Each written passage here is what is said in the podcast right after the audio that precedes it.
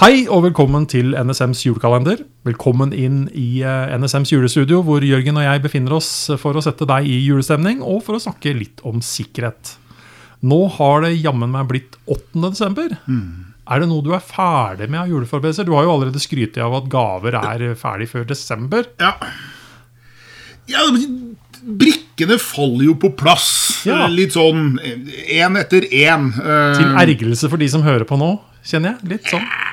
Jeg håper da egentlig ikke det, men eh, det er jo ikke store greier. eh, I hvert fall for vårt Sier en middelaldrende mann. Sier en Ja, middelaldrende mann. Ja, ikke sant? Ja. Uffa meg. Nei da, det, det drar seg til. Ja. Ja. Men uh, 8. desember, vi har en luke, lukeåpne. Vi har en lukeåpne. Skal vi se. Julesanger og falske nyheter. Wow! Det er også Det en tror jeg ingen har hatt i en julekalender. Nei, det, nei, nei, den tanken tror jeg ikke mange har tenkt før de hører det her hos oss. Ja, Å synge falskt på julesanger er kanskje litt mer vanlig. Ja, det, ja, det er nok Ja. det, men uh... Du synger jo kor, du, Jørgen. Jeg gjør det. Ja. Liker du julesanger? Ja, jeg er kjempesvak for julesanger. Eh, Det er mange kjempefine julesanger som vi synger. Men jeg er litt usikker på hva det er du tenker på nå. Ja. Nei, altså, For mange år siden så var det en historie knyttet til en av de mest populære julesangene i Norge. som ble, Det ble ordentlig debattert i media. Uh, og det slår meg jo også at det er jo musår i år. Så dette er enda mer passende å dra frem nå. Men det gjelder altså Alf Prøysens Musevisa.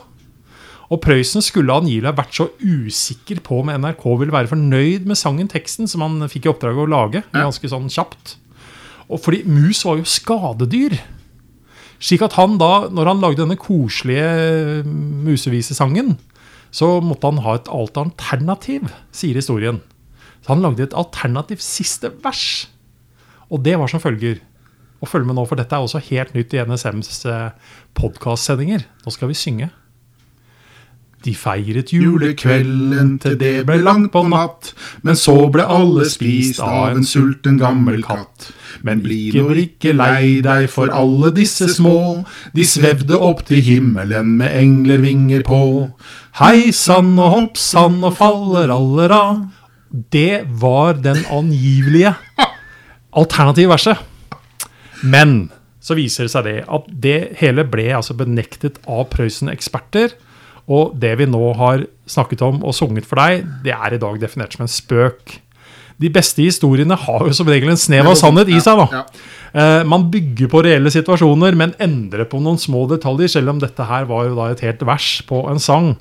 Og det samme gjelder når det gjelder falske nyheter òg. På det verste så endrer man bare litt.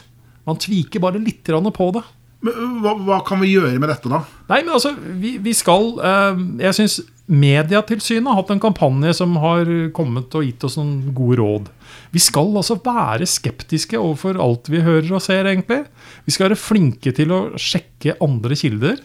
Eh, for jeg gjorde faktisk litt research eh, foran dette her med denne musevisa, og, og, og fant denne historien og syntes jo den var kul i seg sjøl. Inntil jeg faktisk også så forsto at den faktisk ikke var reell.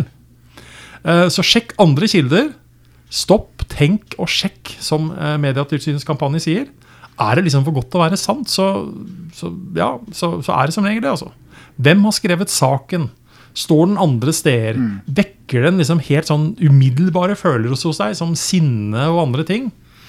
Men det som ikke er falske nyheter, det er at i morgen er det 9. desember, og vi er tilbake med en ny julekalenderepisode.